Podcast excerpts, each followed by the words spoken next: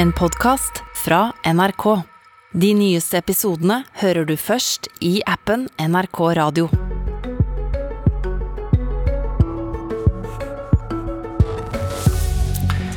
Må vi forandre planen etter at omikron kom? Har vi en sunn diskusjon om tiltak, eller har vi en politisert debatt som spreier frykt? Og bør vi gå på julebord? God morgen, dette er Politisk kvarter på den andre dagen i omikrons måned. Statsminister Jonas Gahr Støre møter tidligere statsminister og Høyre-leder Erna Solberg til debatt. Og la oss begynne der, Støre. Du la fram en koronastrategi for knappe to døgn siden i Stortinget. Siden den tid har virusvarianten omikron kommet hit til landet, og den ser ut til å smitte lettere. Gjør dette at det vil komme endra strategi eller nye tiltak fra regjeringa? Strategien er ment for å ta oss gjennom vinteren med kontroll. Det betyr at vi har viruset i samfunnet, men vi må kontrollere det slik at vi tar vare på helsevesenet vårt, at det kan behandle syke folk, og at vi så langt det er mulig hindrer nedstengninger slik at næringslivet og jobber er sikret. Tiltak innen den strategien må vurderes ut fra hva som er utfordringene, og omikron er en ny utfordring. Og Det arbeides nå med eh, ganske intenst for å kartlegge eh, utbredet av smitte i Norge. Det er omikron i Norge. Og hvilke tiltak som er nødvendig for å kunne leve opp til akkurat det jeg sier, kontroll. Men på en måte som gjør at vi kan fortsatt eh, holde mest mulig av samfunnet i gang. Ok, Per nå ikke, med andre ord. Du har så langt ikke gått inn med regler i det private rommet, der vi var i fjor jul, med grenser og råd om hvor mange vi kunne være sammen og treffe. Kan du, gitt situasjonen nå, garantere at det eh, ikke vil skje, eller kan den nye virusvarianten gjøre at vi kommer dit i år òg? Vi bygger på de rådene som folkehelsemyndighetene gir, Helsedirektoratet og Folkehelseinstituttet. Eh, og det er jo eh, kontakten mellom folk eh, dette, veldig mye av dette handler om. Eh, jeg tror vi skal ha veldig høy terskel for å gå inn i det private rom, men når vi sier f.eks. at du ikke bør håndhilse og kanskje ikke bør klemme, så får jo det litt betydning for private forhold eh, med nærkontakt. Men eh, vi er ikke på det nivået at vi skal inn i hjemmene til folk. Det vi har sagt til nå, er jo dette med at det totale kontakten vi har, må vi se på. Når vi sier at vi skal bør bruke munnbind når vi er i kollektivtrafikk, ute i julehandelen, når vi tar taxi, når vi er i møte med helsevesenet, så tar det ned en del av kontakten. Da er det samtidig mulig at du kan gå på et, eh, et utested f.eks. Ikke så mye av hensyn til at om du kan gå på det utestedet, for det varierer litt, men at de som jobber på utested, slipper at jobben stenges ned. Det er viktig, for det får store konsekvenser for folk i livene deres. Og Da er vi inne på noe jeg tror mange lurer på. For de aller fleste som eh, lytter, er jo ikke syke eller smitta, og tenker kanskje på hvordan de kan få en normal og hyggelig desember og jul. Det lurer nok også restauranter og handelsstand på. Skal du på julebord, Erna Solberg? Foreløpig planlegger Høyres stortingsgruppe for at vi skal ha julebordet vårt, men vi har gjort noen, noen eh, forebyggende tiltak. F.eks. har vi kjøpt inn eh, nok engangstester til at alle må teste seg den dagen julebordet er, og at hvis noen får utbrudd, sånn at vi sikrer det. Og så vil det gjøres tiltak i det rommet. Men vi er jo litt eh, som alle andre, og som jeg mener er det viktig at vi, vi eh, håper på det beste. At dette er et nytt virus som ikke det er mer smittsomt, men ikke nødvendigvis blir folk blir mer alvorlig syke. Men at vi må alltid planlegge for det verste. Og det betyr at alle må planlegge for at det kan komme et alternativ. Eh, mye mer, eh, mindre eh, direkte kontakt mellom folk også igjen. For den, den, planen må vi ha i bakhodet om hvordan vi kan gjøre ting på en annen måte. Men, men foreløpig så får vi alle håpe på at uh, dette går mest mulig normalt. Men være god på å teste seg og være god på å være hjemme når man er syk. Skal du på julebord, Støre? Nå tror jeg akkurat det julebord på statsministerens kontor er i januar. Får vi se når vi kommer dit. Men jeg er enig med det Erna Solberg sier. Jeg tror målet vårt er at vi... For å stille på en annen måte, ja. da. Bør vi gå på julebord? Ja, jeg vil i hvert fall ikke si til folk at de ikke bør gjøre det. De bør forholde seg til de lokale rådene de får. Det er jo variable situasjoner i landet vårt. Det kan være kommuner hvor det ikke er noe smitte, hvor du kan mm. ta ut det utgangspunktet. Men det skal... Nå ramler det jo inn avbestillinger, og dette, dette, handler jo om folks sosiale liv, men jo. også om arbeidsplasser. Så, det det... Så, jeg lurer, eh, så, jeg lurer, på, vil du egentlig oppfordre folk til å eh, leve som desember normalt, da? Jeg vil oppfordre dem til å følge de rådene som er. Og jeg har ikke sett noe råd som sier til folk at de ikke skal gå ut på en restaurant, gå på et julebord. Men la meg gjenta det. Om om jeg mister et julebord, det er ikke så alvorlig. Men jeg syns det er veldig alvorlig hvis vi sier at det er ikke lov å ha julebord noe sted. For de som jobber der, i restaurant- og utebransjen, i kulturlivet, de har hatt det veldig tøft gjennom året. De klarer seg nå. Vi er opptatt av at de skal klare seg. Men også de er jo interessert i at vi skal klare oss utenfor at vi får så store inngripende tiltak at det går utover driften. Det å beholde jobbene til folk og den tryggheten det gir, det er avgjørende for oss. Og din strategi, hvis jeg har skjønt den rett, handler om å opprettholde mest mulig normalitet, med opptrapping av vaksinering som det fremste våpenet. Er det tilstrekkelig nå? Ja, I forhold til det, det, det, smittebildet vi har hatt nå, så er det tilstrekkelig. Og det er et veldig godt råd, fordi vaksinen har vist seg i forhold til det viruset vi har hatt i Norge til nå, har veldig god virkning. Nå vi, har vi høyest vaksinedekning i Europa omtrent. Våre eldste får nå tredje dose. Håper at alle har fått det innen eh, jul. Og så skal vi tilby det til hele befolkningen innen påske. Det i stor beskyttelse. Så må vi forstå karakteren av det nye viruset. Jeg, jeg skal ikke dramatisere det på noen måte. Vi har fått sitert litt om Eh, at det kan være smittsomt, at det kanskje ikke har ført til alvorlig sykdom. Det må vi vite noe om. Og Så må vi trekke konklusjoner på bakgrunn av det. Men det som er helt sikkert, er at vaksine i beskyttelse, det viruset vi har hatt i Norge nå, dette deltaviruset, blir godt beskyttet mot vaksinen. Så det er sterk oppfordring til at kommunene eh, fortsetter vaksinevirksomheten, og at vi tar de vaksinene vi blir tilbudt. Presidenten i EU-kommisjonen eh, vil nå ha en debatt om vaksineplikt. Her i landet har dere begge to stått på linja om at vaksiner er frivillig. Men hvis vaksiner er det viktigste våpenet, Bør kanskje ikke også vi vurdere vaksineplikt framfor munnbindplikt? Eh, Solberg først. Ja, vi mener jo at frivillighetslinjen har vært viktig overfor folk. Så mener jeg at hvis du ikke lar deg vaksinere, så må du ta ekstra forhåndsregler. Eh, for vi ser jo hvem som er innlagt og alvorlig syke nå med Det er de eldste eldre som er, som er vaksinert, som er innlagt, og så er det relativt mange relativt unge uvaksinerte som ligger på sykehus. Du kan bli alvorlig syk. Men, men, plikt, men plikt, er ikke Nei, vi har, aktuelt. Vi har et forslag i vårt program som er for seg litt uavhengig akkurat av bare av pandemien, men det er vaksineplikt for helsepersonell. Det mener vi at det bør være. For det, er jo noe med at din frihet stopper der min frihet eh, starter. Og akkurat på det området så er det vanskelig når øh, hvis, øh, hvis de som jobber f.eks. med eldre og skrøpelige mennesker, ikke er godt nok vaksinert. Vil du gå til det steget, Støre?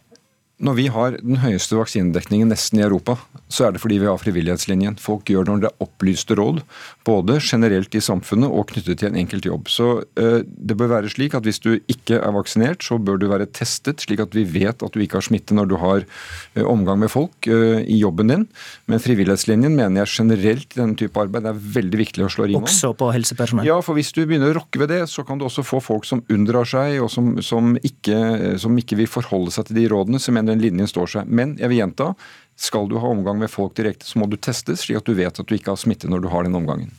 Høyre har i flere runder, bl.a. her i Politisk kvarter, kritisert Aps tilnærming til pandemien. Mener du eh, Erna Solberg, at tåleevna til helsevesenet blir utfordra om ikke Støre kommer med flere tiltak utover det som har kommet nå? Altså, nå spurte jeg helseministeren i, i Dagsnytt 18 om eh, utgangspunktet var at man mente at vi nå var på et for høyt nivå i helsevesenet, eller om man tålte mer. Der fikk jeg ikke et helt klart svar. Det kan jo statsministeren svare på nå.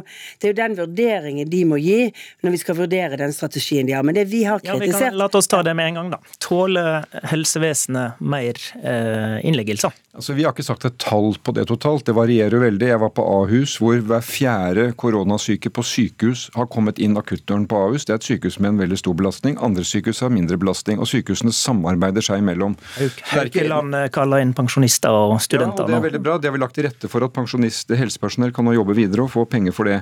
Men vi har ikke satt ett presist tall. Det er en helhetsvurdering av belastningen. Vi mener at det i dag er innenfor den rammen, men når vi har satt i gang disse tiltakene eh, forleden dag med sterkere kontrolltiltak, så er det nettopp fordi at vi vil hindre at helsevesenet blir overbelastet og at samfunnet blir stengt. Ok, Det betyr per nå er tåleevna grei, Solberg?